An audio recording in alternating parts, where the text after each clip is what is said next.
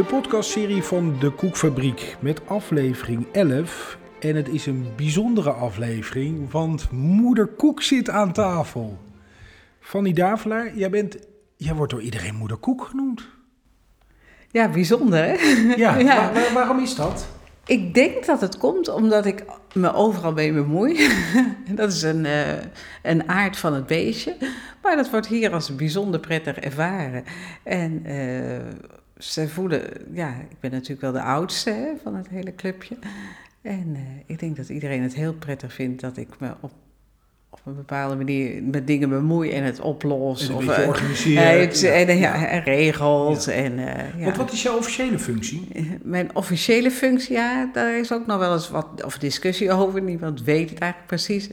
Ik eh, ben office manager, ik ben verantwoordelijk voor het factureren en de financiële zaken. Maar daarnaast zorg ik ook dat alles opgeruimd is, dat er koffie is, eh, dat de wc schoon is.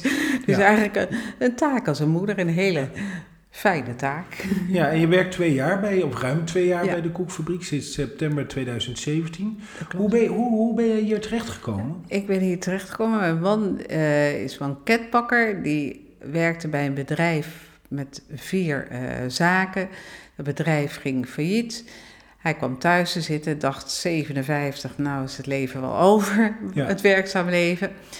En toen is hij eh, als vrijwilliger gaan werken in Houten bij een organisatie waar ze vroegen of er iemand wilde gaan koken met mensen met een beperking.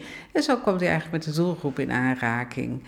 En ja, kwam eigenlijk ook de koekfabriek in zicht op een aantal manieren. Maar dat moet je hem zelf maar een keertje vragen. Ik denk dat dat heel leuk is om dat te horen. Nou, uiteindelijk was hij aangenomen en toen had ik wat veranderd in zijn arbeidscontract. En zei Arthur, hey, dat heb jij niet zelf gedaan? Nee, zei ik, nou, wie dan? Ja, mijn vrouw. Oh, zei Arthur, die moet ik hebben. En toen zei Henk, dan ben je te laat, want ik heb er al heel lang.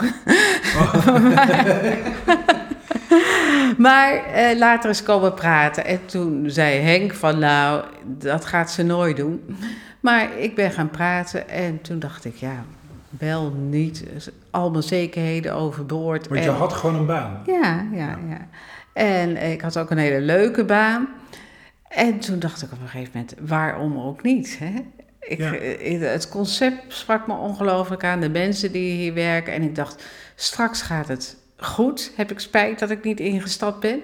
Straks gaat het misschien slecht. Dan heb ik nog meer spijt. Want dan had ik vast gedacht, oh, als ik er had gewerkt, nou, Ja, dan was het wel het anders. Dan hadden we het gered. Dus vandaar dat ik eh, uiteindelijk dus toch hier 1 september 2017 ben gestart. Er geen seconde spijt van heb, echt niet. En nog veel harder en meer werk dan in allemaal andere banen die ik had. Want waren dat ook banen die iets met zorg, met mensen met afstand tot de arbeidsmarkt te maken Nee, nee, helemaal niet. Ik eh, was destijds erkend hypotheekadviseur, pensioenadviseur. Dus een hele andere tak van sport. Daarnaast deed ik wel allerlei bestuursfunctie en die hadden wel met zorg te maken. Dus eh, de verbondenheid was er altijd wel. En eh, ja, dit is de baan waarmee ik eigenlijk alles wel kan combineren. Want waarom raakt het je? Want, want ik eh, kom hier natuurlijk over de vloer iedere week om de podcast op te nemen. En ik zie bij jou, het straalt er aan alle kanten vanaf de bevlogenheid. Ja. Waar komt dat vandaan? Nou, ik, je, dat haal je uit en dat heb jij misschien je eerste aflevering al gemerkt. Hè? De mensen die hier werken. De mensen hè, die hier een, een, een, een baan vinden. Hè? Dat kunnen bijvoorbeeld ook, eh, wat ik ook zie, het zijn niet alleen de mensen met afstand tot de arbeidsmarkt. Hoor, maar ook studenten die hier een uh, afstudeerscriptie komen doen. Die je, ziet, die je binnen ziet komen en die je weg ziet gaan als hele andere mensen. En dat zien wij met mensen met afstand tot de arbeidsmarkt. Dat je ze ziet opbloeien. En dat is gewoon zo leuk om daar deel van uit te maken. Aan de andere kant is het leuke ervan, tenminste dat maakt mij ook gedreven, dat we het gewoon met z'n allen moeten verdienen met koek verkopen. Dat dat het aller, allerbelangrijkste is. En niet zomaar koek, maar koek die ook heel goed is, die ambachtelijk is, die goed van kwaliteit is en iedere keer maar weer. En dat, dat maakt het werken hier zo e- leuk. Want dat element van dat het zakelijk is, Ja. dat het commercieel is, is voor jou wel een wezenlijk belangrijk element? Dat is wel een belangrijk element. Ik denk het wel, want juist dat wil de koekfabriek ook laten zien. Hè? Dat je do- door gewoon een commercieel bedrijf te zijn, dus door iets te verkopen, dat je toch kunt zorgen dat je alle, allerlei mensen aan het werk kunt houden. En ik zeg altijd tegen iedereen, iedereen die in loondienst werkt bij de koekfabriek, moet net even dat stapje harder doen, net even dat stapje meer om ervoor te zorgen dat al die andere mensen die hier werken of een werkplek hebben, om die ook aan de gang te houden. Ja. En ja, dat Daar word je er ook een- niet af en toe heel moe van? Want het lijkt me soms ook best wel een ingewikkelde, lastige materie. Ik sprak eh, Jeannot in de, Ja. in de vorige aflevering Ja. van een podcast. Die zei van nou, het is soms ook wel procedureel, hè, met veel formulieren. en, natuurlijk, maar dat word je is het ook. toe gek van dat je thuis komt en zegt Henk, ik... Nee, helemaal niet. Nee, ik denk, ik zucht wel eens, maar dan denk ik, ja, dat heeft geen zin. We moeten even door, hè, want we zitten nu op een punt, we zijn al hartstikke ver, hè, maar er moeten nog een paar stappen gemaakt worden. En dat, dat, zo'n groei gaat ook altijd gepaard met allerlei hobbels en tegenslag. Dan kun je twee dingen doen. Of je kunt zeggen, oh, wat erg allemaal. Of denken, kom op, gewoon doen, aan de gang. En Ja. weer verder. En de problemen iedere keer maar weer oppakken, oplossen, oppakken, oplossen. Dat en uiteindelijk leidt dat tot een soort stramien waarbij die problemen minder groot zijn. Ja, ja, en dan loop je weer tegen een ander probleem aan. Dat kan. Hè? En dat kan te maken hebben met liquiditeit, maar dat kan te maken hebben met inpakmaterialen. Of hè, dat je denkt, oh mensen die begrijpen wel dat het zo en zo moet. En dan wordt het toch heel anders gedaan. En dat maakt het ook heel uitdagend om hier te werken. Dus de vanzelfsprekendheid die je in een andere baan hebt. Ik vraag eens aan een collega en ik weet dat hij het zo begrijpt en dat hij doet. Nou, dat is hier niet altijd. En daar leer je zelf ook ontzettend veel van. En dat maakt het werken zo leuk hier. Maar nou zeggen Chanot en, eh en Arnoud, hè, de, de, de mannen achter de koekfabriek, zeggen van ja, wij willen dat dit, dit soort ondernemen breder wordt Ja, uitgedragen. Zit nou niet meteen het gevaar erin dat als ik dit zou horen, zou ik als ondernemer, ik ben geen ondernemer, maar stel dat ik ondernemer zou zijn, zou ik denken van oh, maar het kost dus wel extra tijd en moeite allemaal. Laat ik het maar niet doen.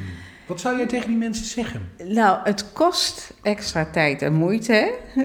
dat is zeker. Maar je krijgt er een heleboel andere dingen voor terug. En die zijn nog veel waardevoller dan de tijd en moeite die je erin steekt. En dat ma- maakt En wat het zijn die dan? Wat is, is dat die voldoening? De voldoening, plezier, het plezier, maar eh, vooral ook eh, het zien dat het anderen ook eh, wat doet. Hè? Dat, dat, dat mensen eh, hier binnenkomen, kandidaten, als muisjes, en, en, en die na, na twee, drie weken. Eh, ergens eh, k- aan de kassa staan. Of, die veel meer energie, kunnen. Dat geeft dus, ja. ja. dat, Ja. ja. Maar dat zien opbloeien van die kandidaten geeft jou energie, geeft Arthur, Janot, geeft eh, de mensen bij de koekfabriek energie. Maar er zijn natuurlijk ook mensen die dan denken van ja, maar ja, als ik er zo vermoeid in, het is leuk dat zij, weet je, je moet wel een bepaald soort mens en type zijn, of is dat niet zo? Ja, misschien wel, ja, misschien wel. Ik denk niet dat ik gelukkig zou worden als, als, eh, als je werk doet waar je je niet prettig voelt. Ik voel me bij dit soort werk heel prettig. Ja. Eh, ja. Wat is er, want, want jij zit hier op het hoofdkantoor. ja. Hoeveel contact heb jij dan met de mensen die op de werkvloer de koekjes bakken? Regelmatig, omdat ik hè, in de bakkerij kom. Ik kom in de bakkerij in Wageningen. Mensen komen wel eens hier op kantoor. Ik eh, verbind wel eens een telefoontje door. Of, of. Ja. Dus ik kom regelmatig met, met eh, kandidaten contact. En wat, wat, wat, eh, wat vind je het leukste aan die werkvloer? Je komt zo'n zo'n zo'n vestiging binnen. Ja. Opschrijf eens, wat, wat, wat, wat, wat, wat voel je, wat proef je, die sfeer daar? Nou, de sfeer, dat moet je ook ervaren. Eh, ten eerste ruikt het natuurlijk altijd heel lekker Ja. bij de koekfabriek. Ja. Want het ruikt Ja. naar koek. En dat is ook het leuke. Het werken bij de koekfabriek is niet alleen maar eh, het koekbakken. Het is een heel proces. Hè? Dus het is deeg maken, snijden, bakken, inpakken, vervoeren.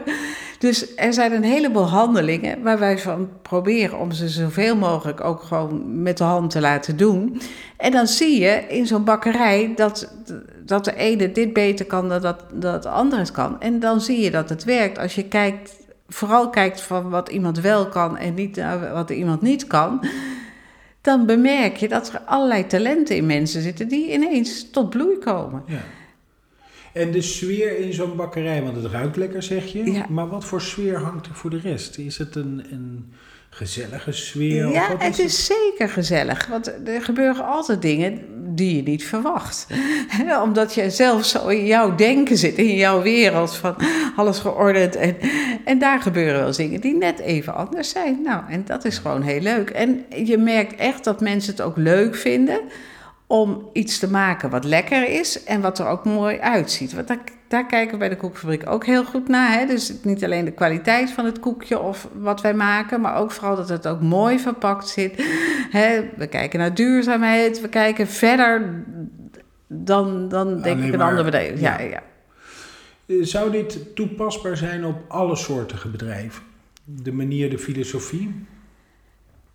Ja, ik denk in de, in de bedrijven waar ik hiervoor heb gewerkt, denk ik niet dat dat niet handig is. Maar je zou wel kunnen kijken om daaromheen, hè, er, voor een bedrijf moeten er allerlei dingen gebeuren. Hè, dat je ook zou kunnen denken aan dingen die schoongemaakt moeten worden, die bezorgd moeten worden. Hè. Er- iedereen kan veel meer dan dat hij denkt. Ja. En, eh, Zijn wij als maatschappij te veel gericht op dat wat mensen niet kunnen? Ik denk dat we heel snel, ja, ik denk het wel. Dat je zegt van nou, dat doe je zelf ook natuurlijk. Je ziet zelf ook altijd in je werk alleen maar de dingen die Ja, fout gaan. Ja, ja, ja, dat is het. En ik denk dat je veel meer moet proberen om, om een, een omgeving te creëren. Dat is ook belangrijk, hè? Waar, waar het ook eens fout mag gaan. Of waar het net even iets langzamer mag gaan dan, dan elders. Alleen dat betekent wel dat je van andere mensen binnen het bedrijf moet verwachten. dat die net dan dat stapje harder doen. Ja. En dat die dat ook leuk vinden en niet erg vinden. Maar ik kan me ook voorstellen dat als je mensen wel die kans geeft, hè, als mensen stil hebben gestaan, je haalt ze binnen in je bedrijf, ze werken een aantal uren, ze weten dat ze die fouten mogen maken, dat ze dan veel meer energie en kracht terugstoppen in het bedrijf. Ja, dat, dat merk je zeker natuurlijk. Voor een heleboel mensen betekent de koekfabriek heel veel. Maar de koekfabriek is niet alleen het koekjes bakken en het werken, maar ook het met elkaar zijn. Hè? We, we lunchen altijd met elkaar. Ook heel belangrijk, hè? dat je even met elkaar aan tafel zit, even probeert om niet over koek of andere dingen te Ja. praten, maar ook op een andere manier. En dat maakt dat, ja, de synergie tussen mensen ook. Hè? Mensen met een burn-out, mensen eh, met een verstandelijke beperking. Iedereen zit bij elkaar binnen de koekfabriek. Hè? Dus het, het is een heel gemaleerd gezelschap. En ja, dat maakt dat, het, ja, dat iedereen ervaart dat het heel prettig toeven is bij de koekfabriek. Ehm, aanvankelijk richtte de koekfabriek zich vooral op eh, mensen met een aangeboren beperking. ja. Eh, nu is die doelgroep breder. Ja. Hoe, hoe ligt die verhouding? Hoe, hoe, hoeveel mensen... Nou, ik denk dat het op dit moment hè, mensen met, met echt een, een eh, ja, een derde, twee derde. Dus Twee derde Eh, de- verstandelijke... nee, oh, nee, andersom. Andersom, ja. ja. Dus de meeste. En waar halen jullie die mensen vandaan dan? Nou, dat, dat is heel divers, hè. Dat kan zijn... wij werken met een externe zorgpartner, hè. Ja. Dus de koekfabriek is verantwoordelijk voor de exploitatie. Dus wij zorgen voor de bakkerij, voor de bakker, voor de koek, eh, voor de verpakking en dergelijke, vervoer. En de zorg wordt door een externe zorgpartner gedaan. Zij werven ook de kandidaten. Dat doet de koekfabriek niet. Zij kijken natuurlijk wel van nou, welke werkzaamheden zijn er voor de koekfabriek van toepassing en past iemand in, in de club. Want je kunt niet zomaar iedereen bij elkaar zetten. Bij de meeste werken een aantal mensen met iets uit het autistisch spectrum. Er werken mensen met een, eh, met een burn-out. Er werken mensen die langdurig werkloos zijn geweest. eh, Vanuit de bijstand. Maar die komen ook allemaal via die zorginstelling. Die komen dus, de zorg, die zorgt dat er werkplekken... De koekfabriek zorgt voor de werkplekken, de zorg zorgt voor de invulling van de werkplekken. En die kunnen dus komen via een school, een praktijkschool. Die kunnen komen via de gemeente die projecten doet om mensen weer terug te leiden naar werk. Eh, ja, eh, via UWV. Dus eigenlijk vanaf allerlei punten komen er mensen binnen de koekfabriek. Ik word ook bijna dagelijks gebeld door mensen die zeggen... ja, ik mijn dochter of mijn zoon... of ik heb een Oh, kandidaat. Of, eh, Die, die bieden dan mensen aan. ja, nou, Van, die bieden... dat- ja, kan die bij jullie wat proberen? Ja, ja. En dan verwijzen we altijd door naar de zorgpartner. Want de zorgpartner die zorgt ervoor dat, dat het team ook klopt. Onderling. Maar- want je kunt niet zomaar iedereen bij elkaar zetten natuurlijk. Maar jullie werken nu ook in Wageningen met dat Open Highway. Ja. Daar heb ik over gesproken, Ja. een aantal afleveringen geleden. Ja. Hoe is jullie ervaring daarmee, vanuit jullie perspectief? Nou, we zijn er natuurlijk net mee gestart. Hè? Dus het, is allemaal, twee, ja, ja, het is allemaal heel erg nieuw. En het is echt een avontuur, zo hebben we het ook ervaren eigenlijk. Nou, wat ons opviel, dat er onmiddellijk eh 52 mensen zich hebben aangemeld. Hè? Eh, dat je helemaal niets van deze mensen weet. Alleen een naam, een e-mailadres en een telefoonnummer. We hebben een informatieochtend georganiseerd voor de eerste tien mensen. Dan zie je dus ook de, de, de kandidaten voor het eerst. En eh, ja, dan zit er een heel divers gezelschap.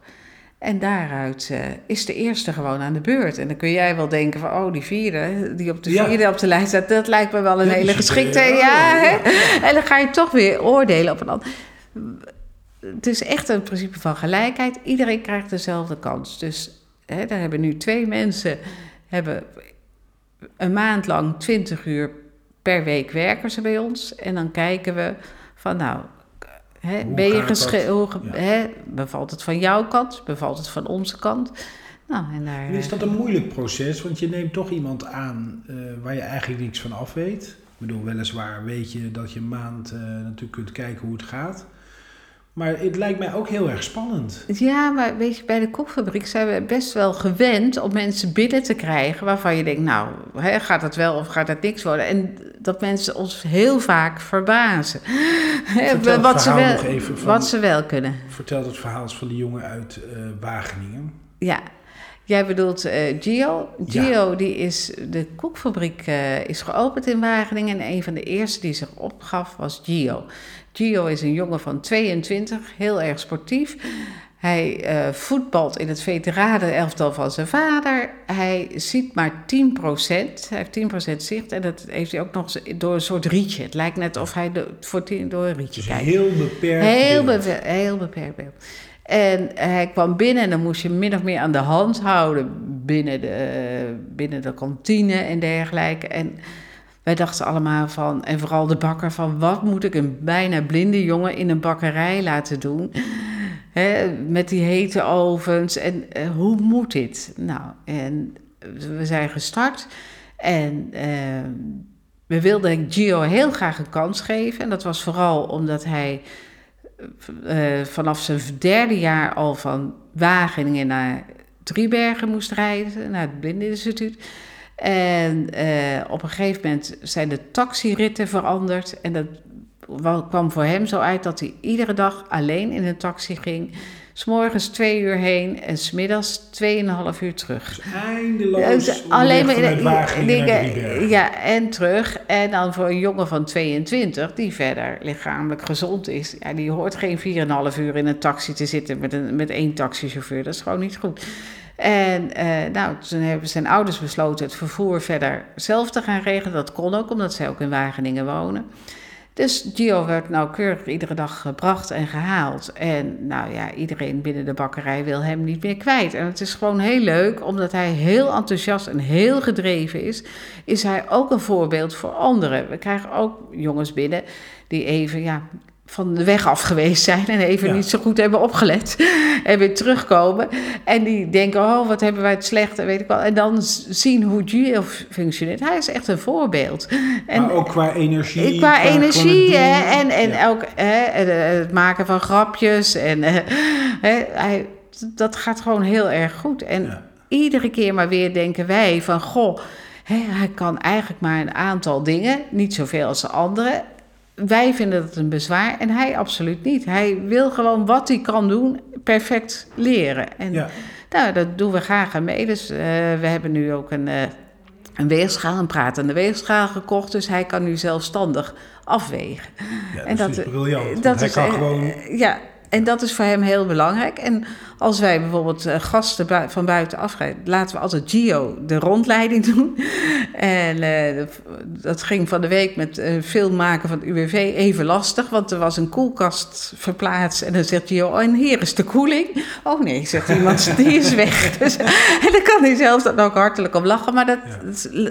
dat, attendeert ons er weer op dat we goed moeten zeggen, Gio, de koeling ja. zetten we ergens anders neer. Hè? Ja. Dus, ja. En dat geeft energie. Als je dit soort verhalen hoort, dan denk je van, oh ja. En ervaart, hè? dus niet alleen hoort, maar ook echt ervaart. Ja. Ja, dat maakt op mij heel erg indruk. Je liet een beeld zien van Gio met zijn, dat hij koekjes afweegt. Ja. Met uh, de, de pratende, en eigenlijk zo simpel, een pratende weegschaal. Hoe makkelijk kan het zijn? Ja, ja. Waar zie jij de toekomst, uh, Fanny, van uh, de koekfabriek? als je naar de toekomst kijkt, gaat dit een enorme vlucht? Hoe, kijk jij daar tegen? Ja, nou, een enorme vlucht. We gaan groeien, of we zijn aan het groeien. En we moeten nog meer groeien om echt goed rendabel te worden. En dan uh, hopen we heel erg om de volgende stap te kunnen maken. Want er werken mensen bij ons bij de koekfabriek die vanuit een bijstandsuitkering komen of vanuit een Bajong-uitkering. Die zijn in dienst bij de koekfabriek. Uh, die krijgen een, een, salaris bij de koekfabriek, maar een groot deel daarvan ja, moeten ze dan op een of andere manier ook weer teruggeven aan de gemeente. Dus zij, naarmate ze meer uren gaan werken of meer salaris krijgen, krijgen ze daar zelf eigenlijk weinig voor terug. Dat zijn ook bijvoorbeeld mensen met een dagbesteding. Die, ja, die krijgen, als je die extra salaris of iets zou geven, dan merken ze daar netto zelf heel weinig van. Dat is eigenlijk ook het systeem in Nederland, hè, dat we te maken hebben met huurtoeslag en zorgtoeslag. Dus als je dus meer gaat verdienen, krijg je minder toeslagen. Dus hou je er netto eigenlijk niet zo heel veel meer aan over. Minder misschien zelfs. Veel, ja, soms zelfs minder. Dat is echt heel sneu om te zien.